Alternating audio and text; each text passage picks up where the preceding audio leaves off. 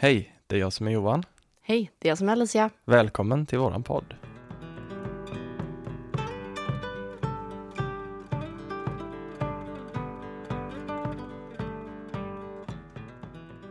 Du Alicia, Mm, jag har tänkt på det här med att hålla uppe en fasad. mm, Och då pratar jag om på sociala medier ja, eller till exempel i arbetslivet, på sin Ja. arbetsplats. mm. Vad tänker du kring det? Alltså, jag, min första tanke är ju varför har vi en fasad? Mm. Eh, och jag tänker att det grundar sig i en rädsla. Ja.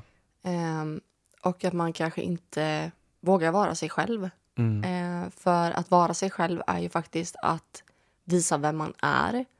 Men också att våga visa vem man inte är. Mm. Ehm, och jag kanske inte är en person som klarar av det här just nu. Ehm, jag kanske är en person som inte har råd med det här just nu. Eh, och att man faktiskt är ärlig och säger det. Mm. Eh, och som jag har lagt ut någon reel någon gång om att, eh, att inte komma med massa ursäkter. Mm. Och jag tänker det går också att applicera på det här. Då tror jag att det var så här, men jag behöver din hjälp.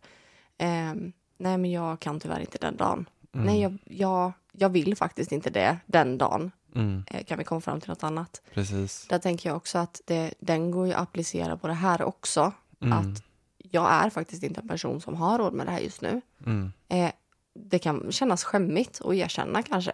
Mm. Men det är också det här med att vara ärlig mot sig själv. Eh, och jag förstår att det är pinsamt, men man behöver ju också... Jag tror att man blir stark av det. Och jag tror att man möts med mer förståelse om man säger som det är. Och att man inte syltar in sig i lögner att nej men jag är upptagen den helgen. Mm. Jag kan inte följa med egentligen för att jag inte har råd. Och jag funderar på varför är det så svårt att vara ärlig? Mm. Eh, för det är ju inte så svårt att vara ärlig mot sig själv som det är mot att vara ärlig mot andra. Jag tror att det är lika svårt att vara ärlig mot sig själv faktiskt. Ja, ja, men det kanske det är. Ja. Men jag tänker just det, det är så vanligt att eh, standard är ju man får frågan om hur man mår och hur det är liksom. Nej, det är bra. Då säger man alltid att det är bra det är när bra. det inte är det. Mm. Och varför är man så rädd för att tala om hur det faktiskt är? Mm. Är, är man rädd då för att inte få förståelse och att man försöker på något sätt skydda sig själv? Eller att Mm. det är tungt att prata om det? Att, Att man inte vill vara jobbig, mm, tänker jag. Ja. att man inte vill vara andra till besvär? Och det som du säger det här med att man hela tiden måste ha en anledning eller en ursäkt liksom. Mm. Eh, det, det känns ju inte bra i en själv när man, när man hittar på någonting. Eh, om man inte känner för att göra någonting och så säger man istället för att säga nej men jag känner faktiskt inte för det. Mm. Nej, jag är faktiskt upp, jag, jag är upptagen. Mm. Eh, Säger man till exempel att nej men jag, eh, jag ska göra något annat då och så gör Mm. man inte det, då känns det ju inte bra i en själv när man blir tvungen att Mm. ljuga för att ha en anledning till nej, att tacka och nej. Sen säger man så, nej men jag ska göra något annat, då blir det ju att man känner så här, okej, jag kan ju inte visa mig ute om det skulle vara så att Exakt. en person, att jag trillar in i den personen. Ja, Då kan man ju inte slappna av, då går man Nej. ju på helspänn. Ja, och så får man ju stanna hemma liksom. Mm. Då begränsar man ju sig själv också. Ja, Eh, så det tänker jag är en sån där grej som alla behöver jobba på. mm, Eh, eller de flesta i alla fall. mm. Eh, Men det, Ja. det är ju lite av den här fasaden man håller upp. Jag av- tänker, ja, och idag pratar vi om fasaden kring vem man är och hur man mår. mm, Eh, inte fasaden som i perfekta familjen eller nej, sådär. Det, det är en helt annan diskussion och det Ja. behöver vi också prata om. en fasad kring personlighet kan det ju vara med. Mm. Att man ger ett sken av att man är mer självsäker än vad man är så.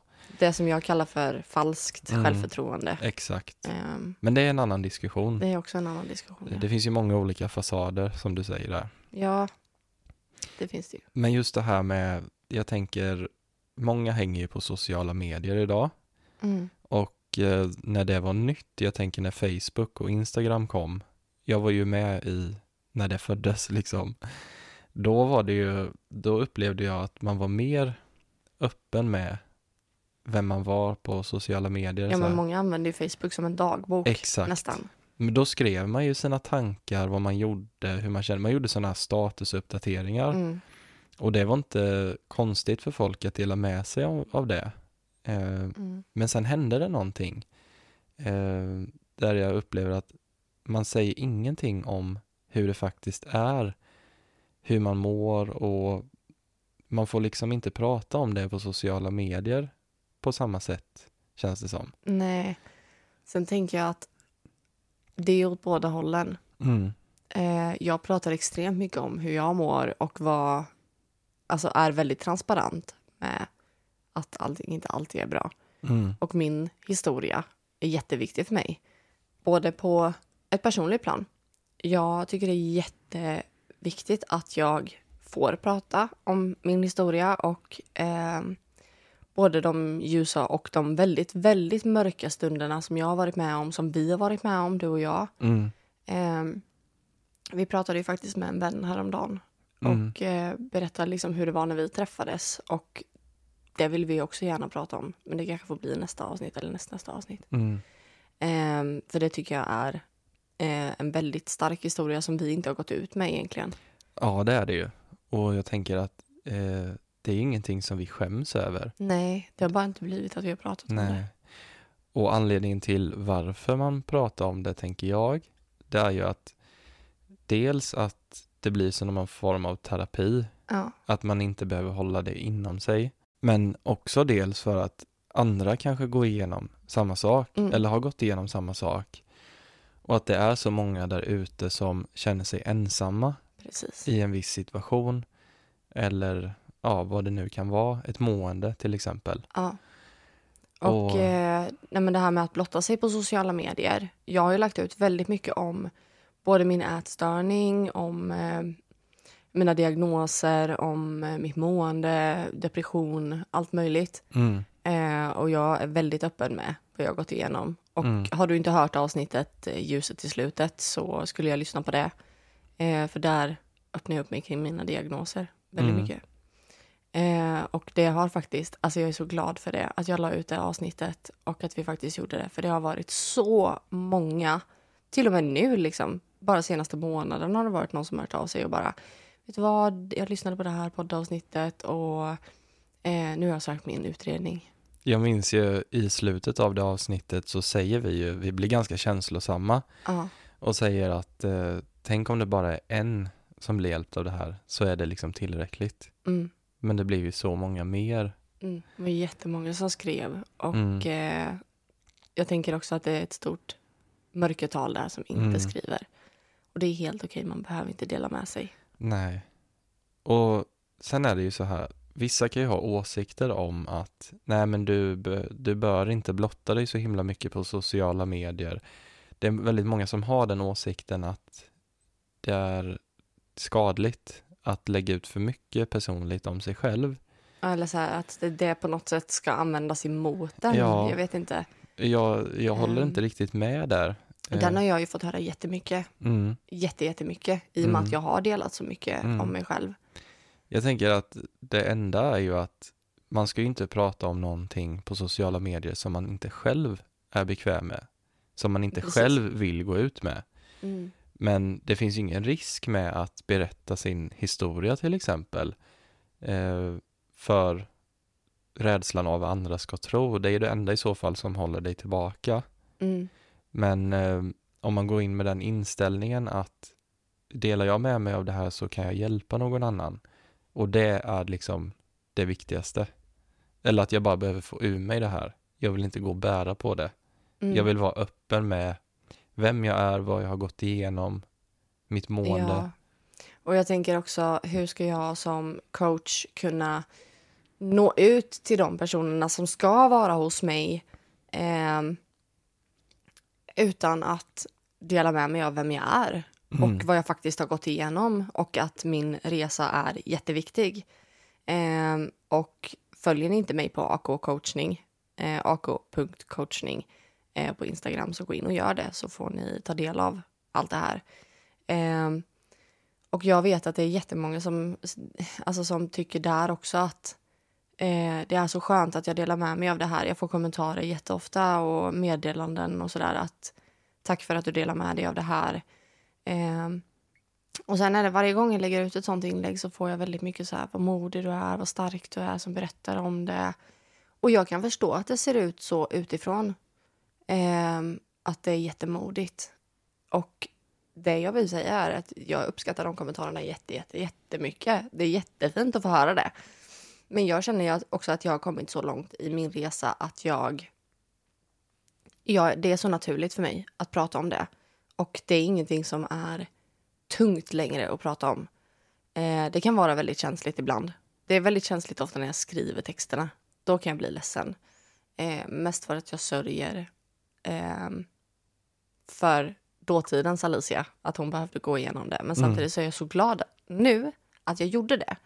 Eh, jag är bara inte glad över hur, hur jobbigt det var då. Eh, det är ju någonting som jag har fått öva väldigt mycket på också, att eh, berätta hur jag mår, eh, Mm. hur det är liksom. Eh, då tänker jag främst kanske på arbetsplatsen, Ja, för min chef, för mina kollegor. Och det är ju faktiskt du som har hjälpt mig med det. mm. Att eh, du måste öppna upp dig för att, Måste berätta. ja, hur det liksom ligger till.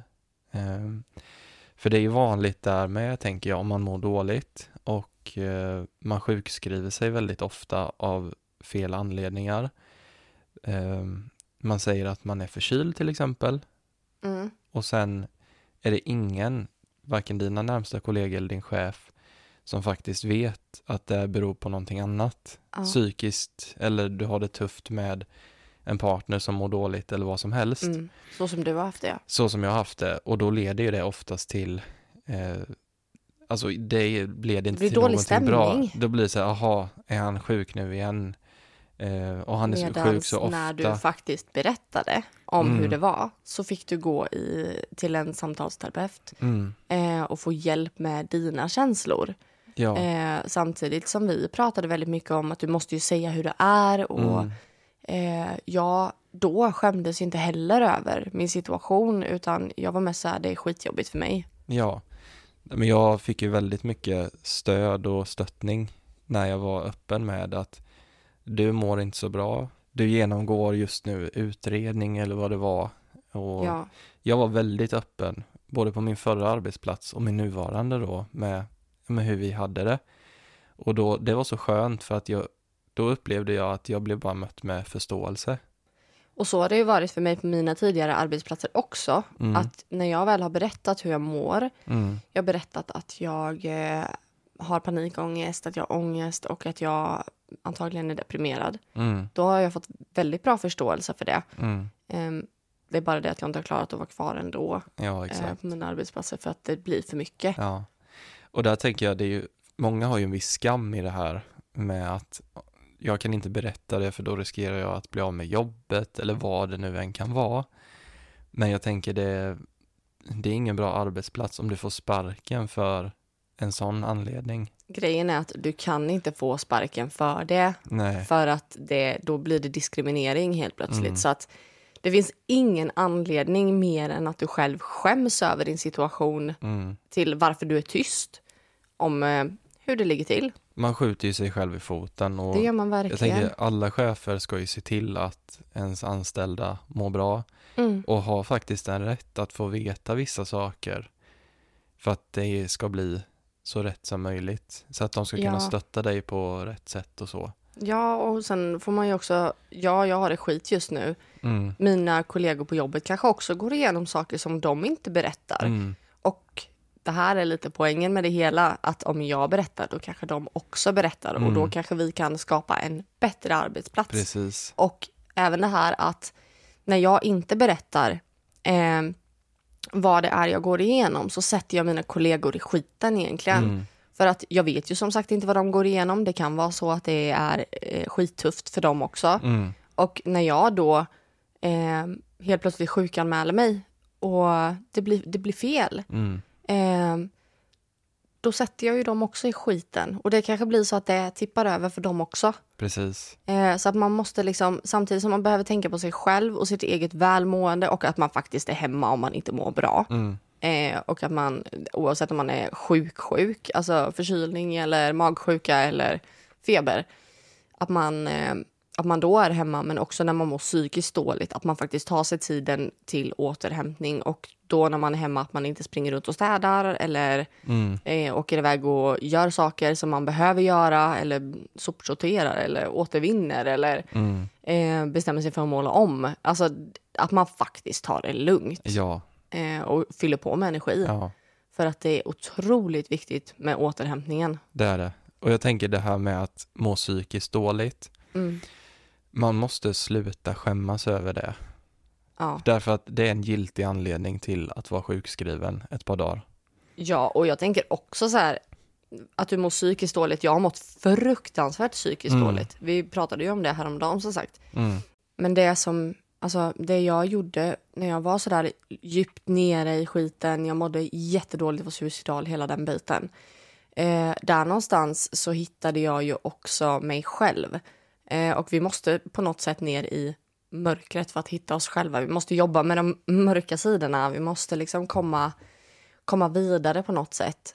Och jag tror så här att när man väl har hittat sig själv i det där, när man har bearbetat allt det där mörka, eh, det är då man, man kan göra det man faktiskt älskar, det man brinner för och man kommer hitta sin grej och allting kommer lösa sig. Mm. Eh, och det, att säga att allting kommer lösa sig är inte lika med att det aldrig kommer vara jobbigt igen.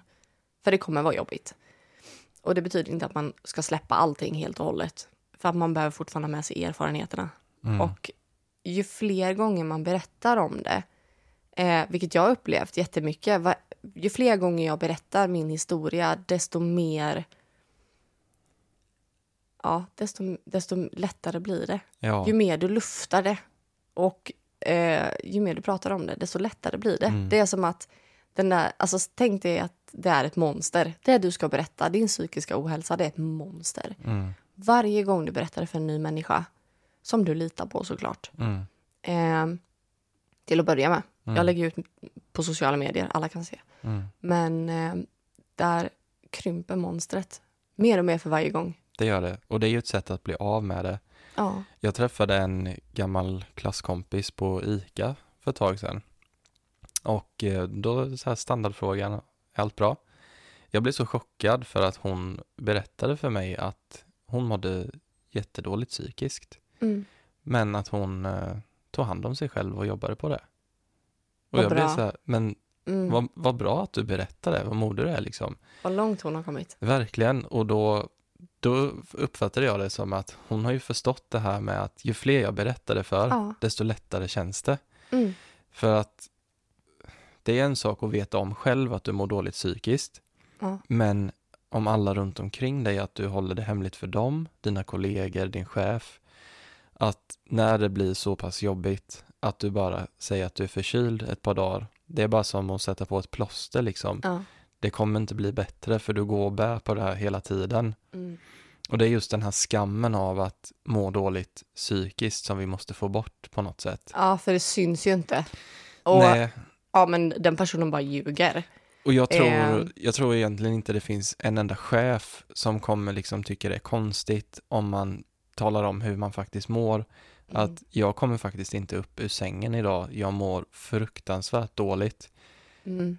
Och är det så att chefen reagerar dåligt på det, Mm, då är du på fel arbetsplats. Absolut. Då ska den personen inte vara chef. eller dina kollegor tänker jag. Mm. om du kommer till dem och öppnar upp dig att vet ni vad, jag mår jättedåligt. Ja. Eh, jag måste bara få vara hemma ett tag och ta hand om mig själv. Jag har väldigt svårt att se att dina kollegor skulle titta konstigt på dig eller på något sätt ge dig någon skam Mm. på samma sätt som du säger att jag är förkyld, jag behöver vara hemma. Om Ja. du får förståelse för det, då borde du få förståelse för ditt psykiska mående. Mm. Och sen den här bit ihop-kulturen som är, alltså Den måste bort liksom. den måste verkligen bort. Eh, och till exempel det här att vi skickar våra barn till skolan trots Mm. att de inte mår bra. Nej men jag har ont i huvudet, eh, jag har feber. Jag har varit det barnet. Mm. Eh, och jag fick aldrig stanna hemma. Eh, ja men testa att gå till skolan. Ja men fast jag mår ju inte bra. Mm. Oavsett om det är att jag hittar på, eh, jag förstår om det är att man hittar på för att det, man ska si- sitta hemma och spela tv-spel eller någonting. Då är det klart att eh, då får man ju tvinga ungen till skolan. Mm. Men jag tänker så här, jag mådde faktiskt inte psykiskt bra. Mm. Eh, även när jag var liten. Mm. Jag var jätteorolig. Jag mådde, jag mådde inte bra. Mm. Och eh, att bli eh, tvingad till skolan, för jag förstår precis hur mina föräldrar tänkte. Och det var Mm. inte av illvilja som de gjorde så. De var jättestressade, för då jobbade min mamma som, då så får man inte säga längre, men dagisfröken. Och min pappa var svetsare när jag var jätteliten. Och nu är båda två chefer. Så att nu, de har ju jobbat upp sig något fruktansvärt. De kommer verkligen från botten och har jobbat upp sig till toppen. Två av mina största, nu blev jag nästan lite tårögd här. Men eh, de är verkligen mina största inspirationer i mitt liv. Oj, vad känslosam jag blev. Mm. Ehm, men det är så fint att kunna jobba sig upp från den sorgen och ehm, att ha det så tufft. Mm. Ehm, jag vet att de brukar ofta säga så här när, eh, när vi flyttade hemifrån, för min pappa flyttade hemifrån. När han eh, fyllde 18 så blev han utsparkad av min farmor. Eh, och min mamma eh, flyttade väl med, tänker jag. Mm. Eh, jag tror inte hon hade några problem att bo hos mormor, men hon ville väl komma bort också. Mm. Som man gör när man är 18. Eh, så de, de var ju väldigt unga. Jag tror min mamma var 17 då. Och eh, nej men där någonstans, så de brukar alltid berätta att de käkade liksom falukorv och makaroner och ketchup varje dag typ. Eh, och det där tycker jag är sån, alltså om man tittar på hur de lever idag, så de förtjänar allt det där. Eh, att få ha ett hus, att ha det fint, att kunna eh, att ha en båt och åka iväg. Att de, nu sålde de ju sin hus, husvagn, men att ha en husvagn och få göra det man vill, åka utomlands. Det, de förtjänar det mer än någon annan jag känner. Mm. Eh, och jag är så stolt över, över dem faktiskt. Mm. Att de gjorde den resan. Precis. Men där är det också, man måste liksom släppa den här fasaden och man måste se också hur folk faktiskt jobbar upp sig. Jag vet inte var det här kom ifrån, men jag blev bara... ja, att vi, att vi var tvungna att gå till skolan var det. Mm. Men det är ju det här med att, att jobba hårt. Det är ju det, Mm. det är bra liksom. Men det får ju inte bli på bekostnad av eh, att man Ja. gör det till varje pris. För där Mm. märker vi av en kultur hos... Eh, Det var det jag skulle säga. Förlåt, Mm. förlåt, förlåt. Ingen fara. Men det var det jag skulle säga att eh, de var väldigt stressade då. För att Mm. det var mitt i det här. Mamma jobbade som dagisfröken, pappa Mm. hade liksom svetsjobb. Eh, och det blev ju väldigt så här. Vi måste ha de här pengarna. Mm. Eh, och det, där måste man ha förståelse för sina föräldrar också. Mm. I vuxen ålder i alla fall. Mm. Eh, eller när man börjar komma upp i åldrarna. Att mina föräldrar hade det inte lätt heller. Mm. Inte när jag var liten. Eh, sen har jag vux- vuxit upp jättefint. Så att det är ingen så här fattigdom så. Mm. Utan det är bara att vi behövde de pengarna Mm. eh, för att kunna leva som vi gjorde. Mm. Men det är, det är också den här kulturen Mm. eh, som vi märker hos våra föräldrar. Att de har fått inpräntat i sig att jobbet går Mm. före allt. Din familj, ditt mående. Du får liksom inte stanna hemma, då måste du vara dödssjuk. Och då får det bara vara förkylning. För är du Mm. bara lite trött eller så, nej, nej, nej, nej, nej. Nej. Men Alltså- dina föräldrar är nog mer sådana än vad mina är. Mina föräldrar är ju relativt unga. Mm. Jag är ju 24 nu, för jag har faktiskt fyllt år. Mm. Eh, så grattis till mig. Men, eh, men mina föräldrar är ju liksom... Eh, jag tror min mamma fyller 50 i år.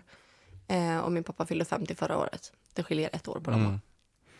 Mm. Eh, så att de, dina föräldrar är ju lite äldre. Mm. Så. De är ju upp mot 60-70 nu. Mm. Eh, så att det, Ja men där märker jag i alla ja, fall det är hos, stor skillnad på den generationen. hos mina föräldrar att där är ju jobbet det viktigaste. Absolut. Och just det här med att vara sjuk eh, innan pandemin kom, då var det liksom, då gick de ju sjuka till jobbet. Mm. Det var standard här med att ta Ipren och ja, nej men Jag, man tar jag, en Ipren och biter jag, är lite förkyld bara. Ja, jag har bara lite feber, men jag går och jobbar ändå. Varför ska man göra det? Det är varför- jättedumt. Varför känner man en sån himla skyldighet till att infinna sig på jobbet Mm. när det liksom går ut över dig själv? Nej, Jag kan Ja. inte på något sätt sätta mig in i det. Nej, och jag tror det handlar om pengar. det och den här Och liksom, att man känner att nej, jag kan inte, jag kommer få sparken. mm, man, är, Rädslan. man är rädd liksom Mm. Och så kanske det var förr i tiden, man kanske hängde löst. Var det Ja. någon som var borta lite för mycket, ja bort med dig, in med någon som vill Klen, jobba. liksom. Ja, Mm. bit Nej, ihop. men jag kan ja, se den. Ja. ja, det här bit ihop som du säger, det, det måste vi bort med. Ingen Mm. ska behöva bita ihop. Nej, och jag tror så här, men om, om vi inte ska bita ihop, nej men då kommer ju ingen gå till jobbet.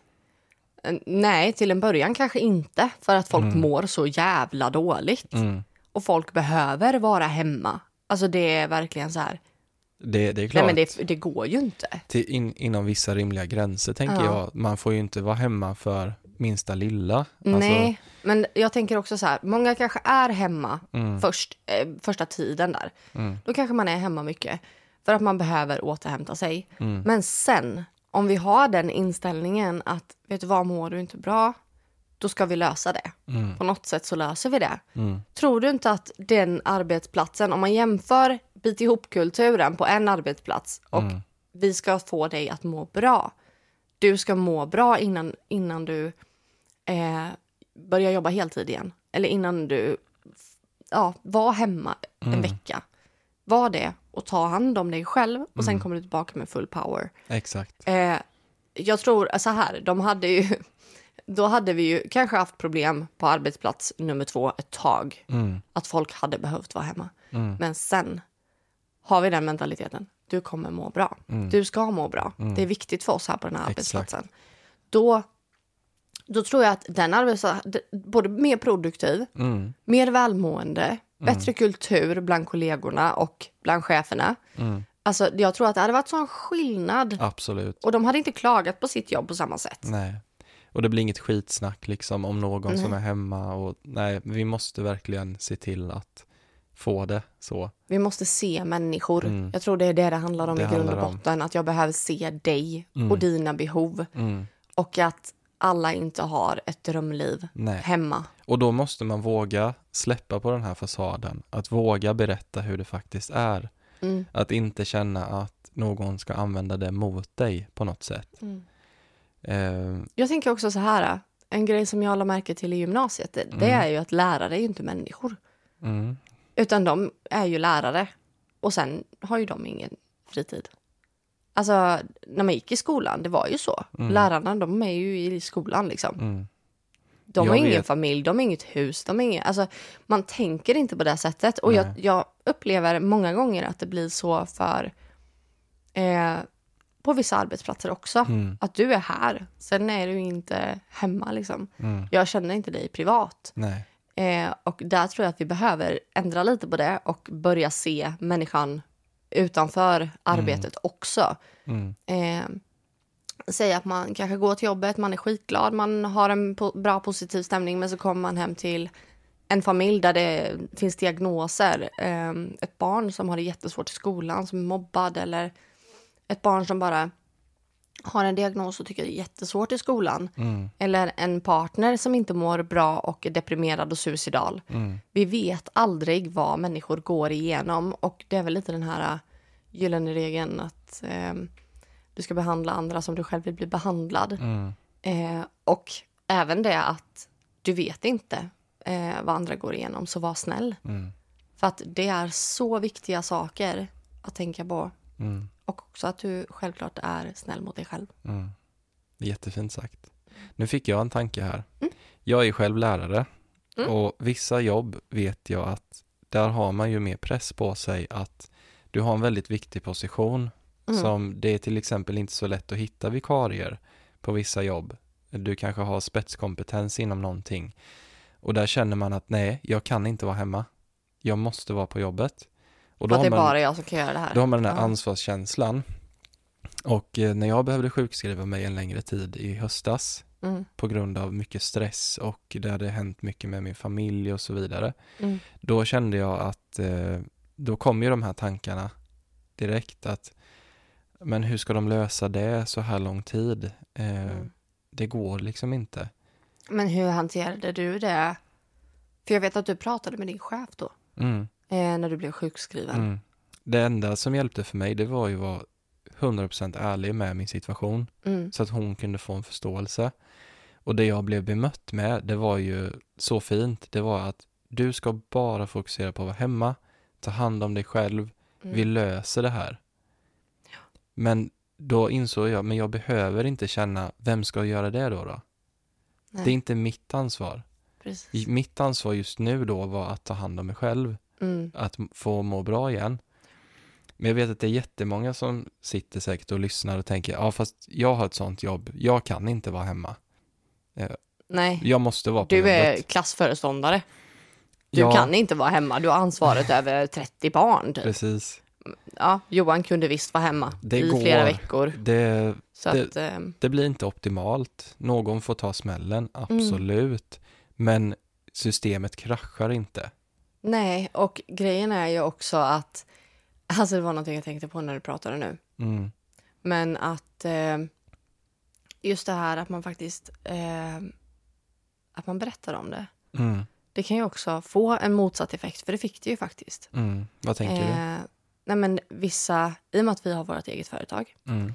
eh, där fanns det ju tankar från, inte personal från din avdelning eller så, men Mm. jag vet att det fanns personal även efteråt som eh, eftersom att du började, gick ut med offentligt att du har massage och Mm. att du tar emot massageklienter, Mm. så var det väldigt så här, jaha, var du hemma för att du skulle jobba med företaget då eller? Det var ju lite den känslan. Mm. Som, eller, Dubbelbetalning eller? exakt. Ja. Nu vet ju inte jag. Man kan ju aldrig veta vad folk säger. Men, Men det var ju väldigt den kulturen. Ja. Så. Det kändes ju väldigt mycket så. Och eh, Och där kände jag dropping ju... hints liksom. Ja, där kände jag ju att jag måste spela med öppna kort med min chef. Eh, Ja. Så att min chef får höra det från mig. Mm. Och där är det också viktigt att slå hål på vissa myter liksom, som kan uppstå på arbetsplatser. Eh, att där måste man vara ärlig Mm. med situationen. Och det, det går inte att göra på ett annat sätt. Och det viktigaste är ju såklart att chefen förstår Mm. vad det är som händer. Mm. Och eh, du skrev ju ett mejl och bara, jag masserar också. Mm. Och jag hoppas att det inte blir ett problem eh, på att det på något sätt skulle Mm. ta mer tid. Men jag masserar kvällstid Mm. eh, och måndagar nu då, för nu har du Mm. gått ner i tid. Mm. Eh, Ja, alltså den här perioden då jag var hemma, jag var Mm. hemma fem veckor på heltid. Eh, och sen började jag trappa upp. Men de fem veckorna jag var hemma, mm. då var jag faktiskt hemma. Sängliggandes nästan. Ja, i princip. Eh, du gjorde väldigt lite. Eh, och sen vet ju jag att för att man ska ta sig ur en sån situation, då måste man göra saker som man tycker är roligt. För Ja. man blir inte bättre av att ligga i sängen på dagarna. Nej. Det jag behövde var att plocka bort stressen, Mm. Arbetsbördan och det här med att eh, stå inför en klass och hålla lektioner där det är mycket konflikter, det är hög ljudnivå. Mm. Eh, den, Samtidigt som det var mycket på det privata planet. det med och så den miljön, jag behövde just plocka bort det. Och då finns det ju säkert de som har åsikter om, jaha, du är sjukskriven för att du har gått in i väggen eller vad det nu kan vara. Mm. Eh, ja, men då ska du inte hålla på med det. Ja, varför är du ute på stan och ränner? Alltså, För att det är någonting som, det är någonting jag klarar av. det är någonting som du mår, eller någonting som du tyckte var kul Mm, eh, och någonting som, du, som gav dig energi. Och mm, det är, ju, det är ju det också. Missuppfattningen kring sjukskrivning är att man ska ligga i sängen, man Ja. ska dra täcket över huvudet, man, man, ska äta sig. Eh, man ska äta liksom soppa ur en eh, kopp och man ska titta på tv. Det är Mm. typ det man ska göra, sova, läsa en bok. Mm, Men det man faktiskt behöver göra är kanske att gå, gå ut och gå Mm. långpromenader. Man kanske behöver åka iväg och tälta mm, i tre dagar. mm, Man kanske behöver eh, massera för att det är skönt för mig och jag mår bra av det. Eh, jag kanske behöver åka och köpa massa målargrejer och måla. Eh, alltså, jag vet att du sa det innan att man ska faktiskt ta det lugnt när man är hemma och återhämta sig och så. Eh, och det står jag för, det håller jag med om. Alltså, jag, jag, jag tycker verkligen att man ska göra det. mm, Eh, samtidigt som att när man, där tycker jag när man mår så fruktansvärt dåligt att man verkligen ska ta sig tid och bara återhämta sig. Ja, Eh, men i den återhämtningen, ibland för vissa personer så ingår det ju faktiskt att eh, vara ute i skogen, ja, ja. eh, bygga ett bord. Men eh, återhämtning kan ju se ja. ut på så många olika sätt. Ja, Och där tänker jag att det får ju inte bli, om du är sjukskriven hemma, att du gör en massa saker hemma. ja, men jag tror skillnaden är just det här, det här är ett måste. Exakt. Jag måste städa, jag Mm. måste laga mat. Måste du laga mat eller kan du köpa en hempizza? Jo. Alltså, Just att du anpassar Ja. det efter vad du klarar av. Och det gjorde ju Ja. verkligen jag. Alltså det, det svängde ju väldigt mycket upp och ner för Mm. mig. Ibland kände jag bara, nej, jag fixar inte det här. och det kan ju vara jättesvårt att förstå att nej, jag kan inte städa idag, Mm, men jag kan gå ut och gå två mil. mm, Alltså, förstår du? ja, Det, det kan vara svårt att, att förstå det, Mm. men just den där långa, långa promenaden, det kanske ger mig jättemycket Mm. energi och jag mår jättebra av det. men det är ju någonting som är allmänt känt just för många jag vet som har gått in i väggen. Mm. De säger det att det som gjorde mig frisk eller som gjorde att jag kunde komma tillbaka, det var att jag kunde gå ut och gå långpromenader. I Ja, skogen med min hund, gå och rensa tankarna. gå och lyssna på en bra podd, till då- exempel Familjens bök. Ja, Jag och tänker då, på det här med. då är inte det nå- något negativt att du är ute och rör på dig, för då man kan ju ha uppfattningen att ja, då bränner du ut dig själv på ett annat sätt. Nej, fast det gör man inte.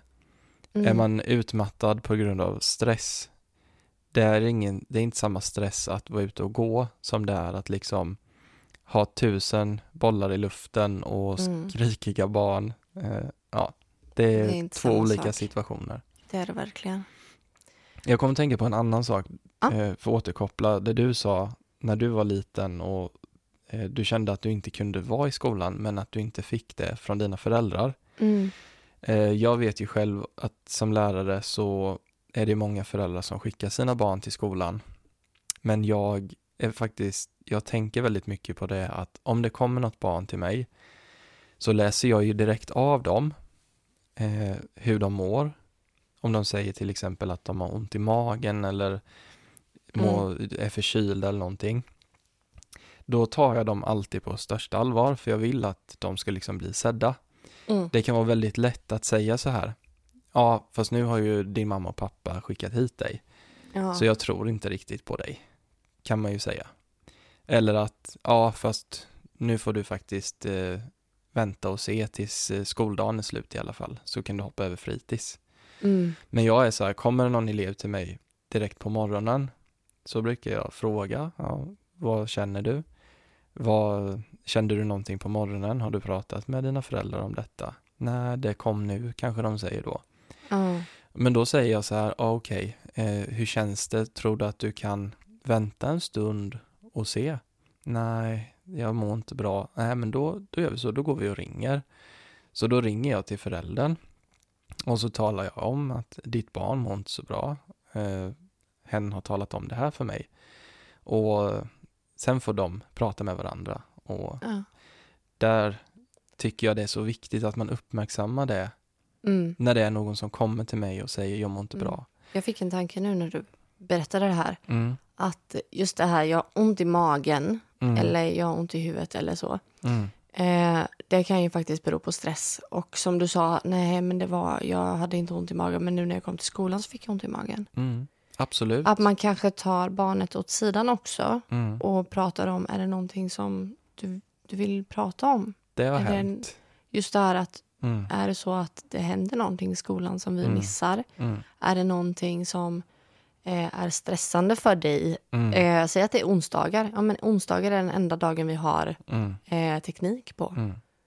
Absolut, det har hänt många Ja. gånger. Och där har jag fått, eh, då har jag tagit den här rollen som kurator typ. Mm. Och det har varit, ja men jag saknar min mamma så himla mycket. De är skilda kanske. Mm. Eller att min mamma är jättesjuk och jag är så orolig för henne. Hon kanske behöver åka in och opereras. Ja. Och då har jag varit så här, ja du kanske inte, vi kanske inte kan göra så att du åker hem. Att din mamma får åka hem från jobbet. Men att vi kan prata om det. Du kan få Mm. ringa till din mamma. Ibland räcker det faktiskt bara att de, samtal. de får höra sin mammas röst och sen Ja. är det bra. Eller att jag pratar med dem. Men hur känner du inför det här och så här. Så det är Mm. inte bara, ja men då ringer jag och så får de komma och hämta dig. Det är ju inte alltid det heller Det är som ju behövs. lite att svika förtroendet Mm. också som lärare till barnet. Och där tänker jag, där får man ju alltid läsa av och göra en avvägning. Sen har vi ju de eleverna som du sa, Mm. som fejkar lite. De, De, vill vara hemma och spela tv-spel. Ja, de vill spela Ja. Fortnite till exempel. Ja, typ. Men då, de läser jag ju av på ett annat sätt. Eh, Mm. Där är det ganska bra att vara intuitiv också, Mm. kan jag tänka mig. Jo, Att vara utbildat medium. det är det. Eh, och att ha det liksom i ryggen. Mm. Eh, att leva med intuitionen hela Mm. tiden och att känna efter liksom. Mm. Just det jag ville komma till, det är att jag vill lära barnen redan i, i den här åldern att det är okej om att berätta hur du mår och att jag tar dig på allvar. Ja. Eh, för annars så blir det ju det här med att då vågar man till slut inte berätta hur man mår. Nej. Så det måste vi börja med redan när barnen är små. Ja. Och att fråga hur mår du utan Mm. att lägga en värdering i det. Om ditt barn säger till dig Mm. på morgonen, nej jag vill inte gå till skolan idag. Mm. Ta en liten stund och fråga, okej, vad beror det på? Eller hur känner du? Är det någonting i skolan? Eller Känner du dig sjuk? är du sjuk? Eller är det Mm. någon lektion idag? Jag tyckte att det var jättejobbigt för jag, jag tyckte inte om gympan. Nej. Varje gång det var gympa så Mm. försökte jag antingen skolka Mm. eller så sa jag att jag var sjuk. Eller försökte stanna hemma när jag var jätteliten. Mm. Försökte stanna hemma varje gång det var gympa. Precis, då som förälder kan man göra så, men då följer jag med dig till skolan och så pratar vi med din gympalärare om vad du tycker är jobbigt, till Mm. exempel. Eller vi pratar med Men det din... kan ju också kännas jättejobbigt. Man kanske bara kan... Eh, jobbigt för barnet, för jag hade tyckt att det var fruktansvärt jobbigt. Eh, men jag tänker att man hade bara kunnat... Eh, men, alltså kanske ringa till skolan och bara... Mm. Jag har pratat med Alicia och jag, Mm. tyck, jag har förstått att hon tycker att det är jättejobbigt att vara med på gympan. Mm. Eh, skulle det kunna gå att lösa någonting så att hon kanske ja, kan få göra något annat på gympan eller om hon kan få eh, göra saker som hon tycker är kul på gympan. Att hon kanske får, eh, om hon tycker om att rocka rockring, kan hon Mm. inte få göra det lite mer då? Precis. Eller ska vi kanske bara ha lite friare gympa? Att vi, alltså, Mm. Gympan är så jäkla dum i skolan. Förlåt mig, bara på att glida in på något helt annat. Men den är så dum att man ska testa, man ska spela fotboll, lagsport. Man ska, Mm. spela, man ska testa basket, man ska testa innebandy, man ska testa att dansa.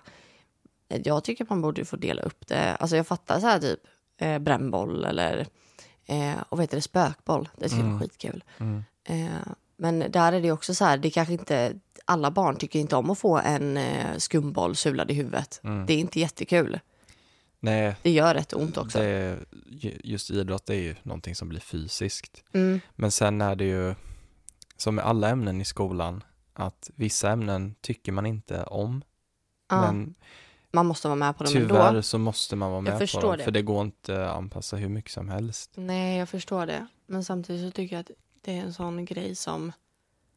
Alltså just när det, skillnaden på svenska och eh, teknik, det är Mm. att det inte är fysiskt. Gympan är Ja. fysisk. Och man kan känna verkligen så här, säg att jag har, eh, jag har en kompis i skolan, den kompisen är sjuk, vi ska köra spökboll. Mm. Eh, och de där, där borta, de är jättetaskiga mot mig hela Mm. tiden. Ja, de mobbar mig. Mm. Tror du att jag vill vara med på den spökbollen då när jag vet att de kommer sula på mig allihopa? Nej. Det är ju inte jättekul. Man blir väldigt utsatt i en Mm. sån situation. Mm. Jag vet inte varför vi glider in på det här, men jag blir väldigt irriterad och arg på sånt här för att man som skola utsätter man de redan mobbade eleverna för en situation som är ännu värre. Mm. Man sätter dem i en situation där de kan bli utsatta för fysiskt våld. För oavsett om det är inte okej att kasta snöboll på lekplatsen, eller hur? Det är inte okej. Nej. Men det är okej att kasta skumbollar på varandra stenhårt. Mm. Förstår du liksom Ja, Nej, men där, konceptet? där, tänker jag som, fel. där tänker jag som lärare får man ju vara uppmärksam på Verkligen. och verkligen vara, prata med Absolut. eleverna och inte låta någon form av mobbing ske eller att du tar någon på allvar som tycker Mm. det är jobbigt. Jag tänker föräldrar och lärare, prata med barnen, Mm. hitta vägar fram, inte så här Inte bara prata med barnen, lyssna, lyssna, inte på bara barnen. så här, nej nu får du faktiskt eh, skärpa till dig, eh, nu får du klä på dig och gå till Verkligen skolan. se barnen. Ja. Ja. Eller att gympaläraren säger, nej, Alla måste vara med, nej nu får du skärpa dig. den är så är liksom- alla ska vara med, liksom alla ingenting. mot väggen. Nej, lyssna på vad är det, om barnet kommer och uttrycker en oro inför någonting, lyssna och hitta vägar fram. Det är viktigt. Mm. Jag tyckte först gympan var kul på gymnasiet, Mm. faktiskt. Alltså idrotten var, då var det jättekul. För att då när vi körde sådana spökbollsgrejer och så, alltså då hade man mer så här, alltså taggat till. Mm. Då tyckte jag att det var kul. Mm. Eh, för då var man mycket mer, man kunde skämta på ett annat sätt, man var mer vuxen. Mm. Och då tyckte jag att det var skitkul att hålla på och Mm. alltså, försöka träffa varandra. Alltså med de här jävla skumbollarna. Mm.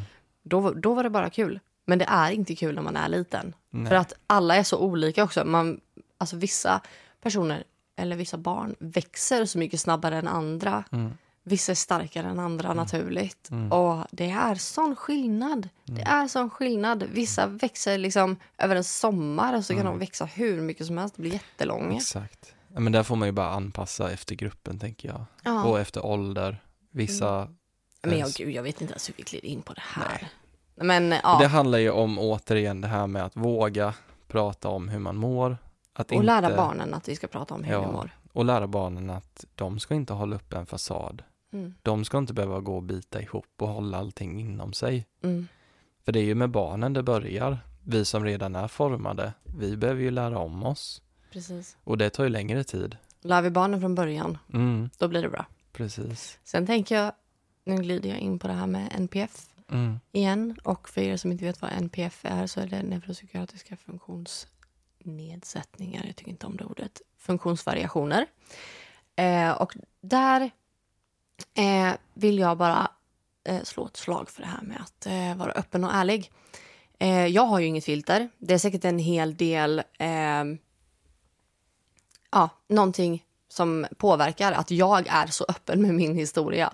Eh, jag håller faktiskt på att sitta och bygga min hemsida nu och där har jag lagt ut jättemycket om min historia. Eh, jag har, det är fortfarande hemligt. Eh, man kan ju följa mig på Instagram eh, så får man veta det i veckan. mm. Men eh, jag har ju faktiskt blivit bokad på min första föreläsning. Det är så kul. Det här är så kul. Så, Det- så kul. Hade du blivit det om du inte var öppen? Nej, Nej. då hade jag ju aldrig blivit det. Så, så här, vad finns det för risker med att du är öppen? Mm. Inga egentligen. Egentligen ingenting, förutom att eh, om jag är rädd för det, då finns det risken Ja, att... Du är rädd för att Ja, någon ska kunna använda ska det kunna mot mot dig. dig. Men då, Men det är inte jag. nej, Eh, för att vad ska de säga som inte Ja. jag redan har sagt? exakt. Eh, jag är fullt medveten om att vissa saker är fruktansvärt dumma. Mm. 100 procent. Mm. Men jag kommer ju inte... Hur ska man säga? Jag har ju redan sagt hur dum i huvudet jag har varit i vissa situationer. Vad ska de, hur ska de hacka på mig? Hur ska de få inte. mig att vara- må dåligt? Om någon, om någon hade sagt till exempel, eftersom att jag var suicidal, Mm. eh, om en fan jag önskar att du borde ha tagit liv, jag önskar att du hade tagit livet Mm. av dig. Alltså man bara, ett, du känner inte mig, två, du är dum i huvudet, tre, du är dum i huvudet. Det är ju bara liksom inte lägga, Man säger ju inte så. det är bara inte lägga något värde i Ja, det. alltså jag förstår att det måste vara jättejobbigt att få sådana kommentarer eller få hat. Men jag är ju fortfarande så här lite, jag bara väntar på att det ska komma liksom. Vi har inte fått något hat från något håll. Nej, och jag, Alls. nu när vi har startat eh, Vad ska mamma säga, jag Mm. och eh, Mikaela, så, eh, vad konstigt var att säga Mikaela, Mickan, Mm. Eh, där förväntar jag mig nästan att få hat.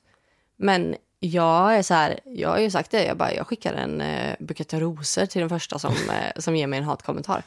Jag har verkligen varit så här, undrar vad som händer då? Ja. Vad ska de säga? Vad ska jag säga? Nej men det är ju så bra. Jag tycker det är fantastiskt att det känns Mm. som det här näthatet, det har liksom ingen plats. I det spirituella communityt, Nej. absolut inte. Inte i coach-communityt heller. Jag har inte sett det. Absolut att man kan ha olika åsikter och vissa är eh, bättre på att ut- uttrycka sina åsikter på ett respektfullt sätt. Mm. Andra är sämre på det och då är det upp till dem att jobba på det om de känner att Mm. nu blev jag hetsig. Ja, Lägg ja. ner telefonen och vänta en stund Mm. innan du skriver någonting då. Men det är fortfarande inte det här personangrepp och rent och Nej. skärt hat liksom. Nej, det är det verkligen inte, utan jag tycker bara att den här åsikten var dum. Mm. Eh, men då är det också så här, hur påverkar det ditt liv? Mm. Behöver du skriva det här? Eh, sen tycker jag att man ska vara fruktansvärt försiktig på eh, sociala medier vad man skriver till andra människor. Mm. För att eh, som egenföretagare, eh, där känner jag att man behöver inte ha ett filter på sig, men man behöver ändå vara en vettig människa. Nu vet jag att jag är en vettig människa i grunden så att jag behöver inte tänka på det här aktivt. Mm. Vissa personer behöver göra det och skydda sitt eget varumärke för När att du är ditt personliga varumärke. När det handlar om det också när du har företag, Mm. då har du ju ett annat ansvar. Du kan inte vara kanske lika personlig. Du måste vara mer professionell om man säger. Mm. Det får inte bli känslomässigt styrt om man säger i en konversation med någon. Med en annan person menar du? Precis, För att tänker- mina inlägg är ju väldigt känslomässigt styrda eller så. Jag menar när man skiljer på person och företag. Mm. När det är företaget som svarar, då ska du svara utifrån, alltså Ett företagsperspektiv. sakligt, Ja, inte blanda in dina känslor. nej, precis. Men vi pratade om det här, det finns egentligen inga risker med att vara öppen. Däremot så Nej. vissa saker, okej, det kanske man inte bör dela med sig av. Ja. Vissa saker kanske man behöver, Vad menar du då? man kanske inte vill dela med sig om allting, om du förstår vad jag menar, om sitt privatliv. Nej, men det är väl inget tvång på att man måste dela med sig Nej, av allting. Det är det jag försöker Nej, men säga. alltså, för du sa att man kanske inte ska dela med sig av allting.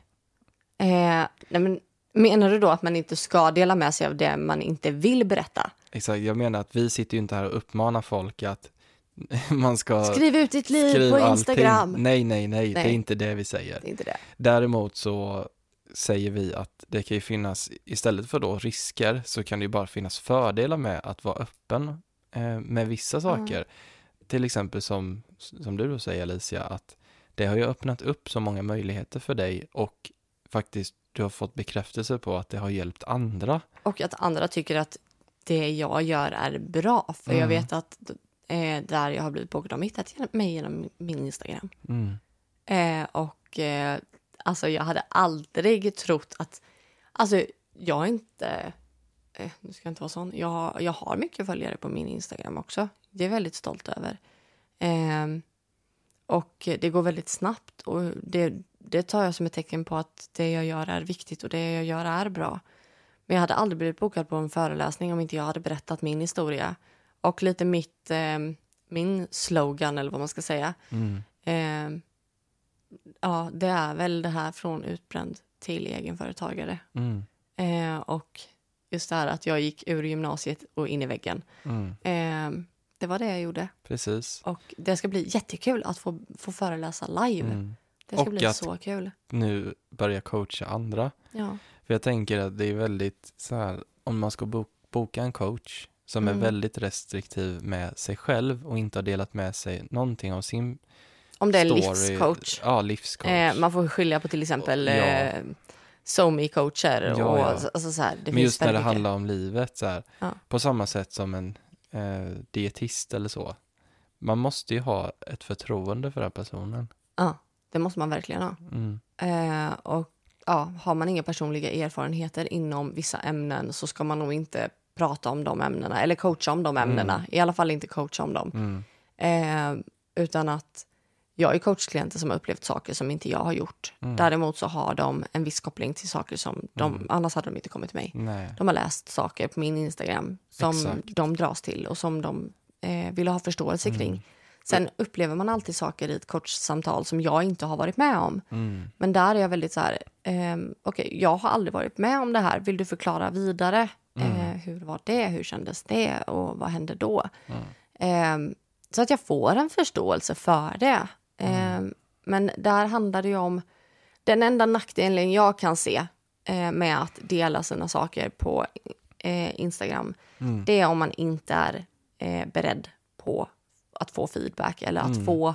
Eh, man ska alltid vara beredd på att få negativa kommentarer. Ja. Ehm, och också det här när man pratar om att vara suicidal. Man pratar om ehm, ätstörningar, man pratar om panikångest, man pratar om alltså, eh, bipolär sjukdom. Sådana saker kan vara väldigt triggande för andra. Det kan, Mm. det kan trigga igång någonting i vår kropp. Mm. Ehm, och eh, det där är lite så här, man ska sätta typ trigger warning. Mm. Men när man skriver sådana saker då får man också vara beredd på att folk kan vara så här, du bör sätta en trigger warning. Mm. Eller så här, ehm, det här hade du kunnat eh, ja, skriva om på ett annat sätt. Eller Mm. man, man får vara beredd på att man får kritik. Ja, Ehm, och är man då inte redo för att få kritik, då skulle inte jag lägga upp det. mm, Eh, för att du måste se det som...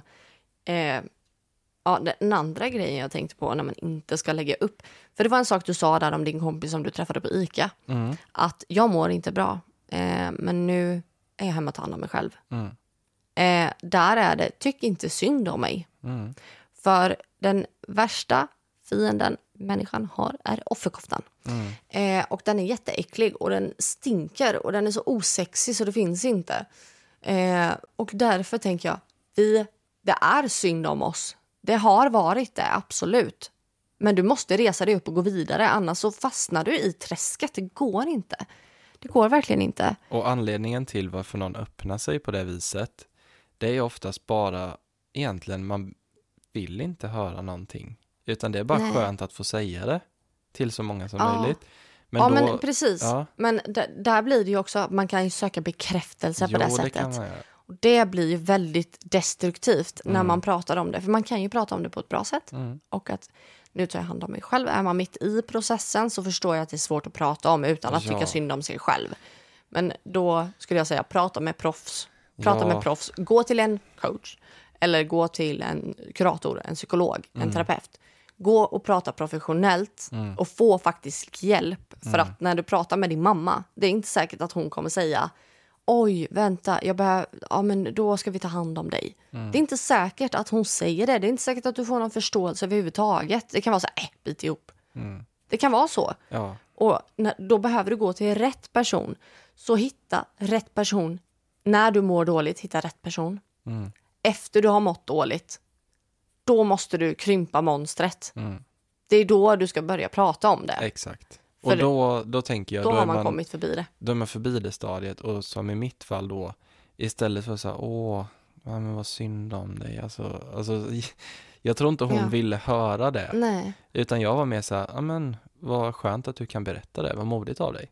Mm. Det tror jag känns bättre att få höra. Än att, åh, nej men gud. För jag tänker, Alltså, det är inte, fast det är ja. samma sätt om du har, Då lägger man ju på någon Ja. annan offerkoftan. ja visst, jag Där är tänker det också om, att tänka så. om du har brutit benet, Mm. hur kul är det att höra att åh, det är så synd om dig, att alla liksom tittar ner på dig som om du var ett litet, Ett barn. ett ömkligt barn liksom. Ja. Det vill man ju inte. Nej, men man, då kan jag tänka mig att man vill ju ha frågor liksom, ja men hur löser du det? Alltså, att inte folk går och tassar på tårna.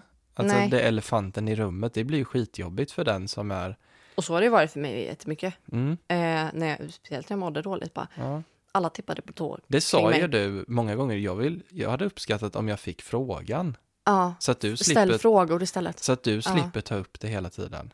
Mm. Men det folk är så rädda för att kliva andra på tårna. Ja, eller bara vill sopa det under mattan Mm. många gånger. Att nej men allting är bra, allting är bra. Låtsas om som att det regnar. Och sen så liksom. bara är det ett berg med en matta Mm. ovanpå. Mm. Riv av det.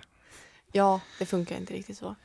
Så Men, att eh, mm, mm. vi tar och rundar av va? Det får vi göra.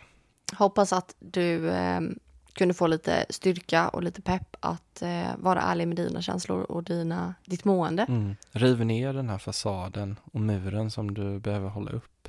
Ja, Den tjänar inget bra syfte. nej. Men eh, tack för att ni lyssnade Tusen tack. och vi hörs nästa vecka. Det gör vi. Hej då! Hej då!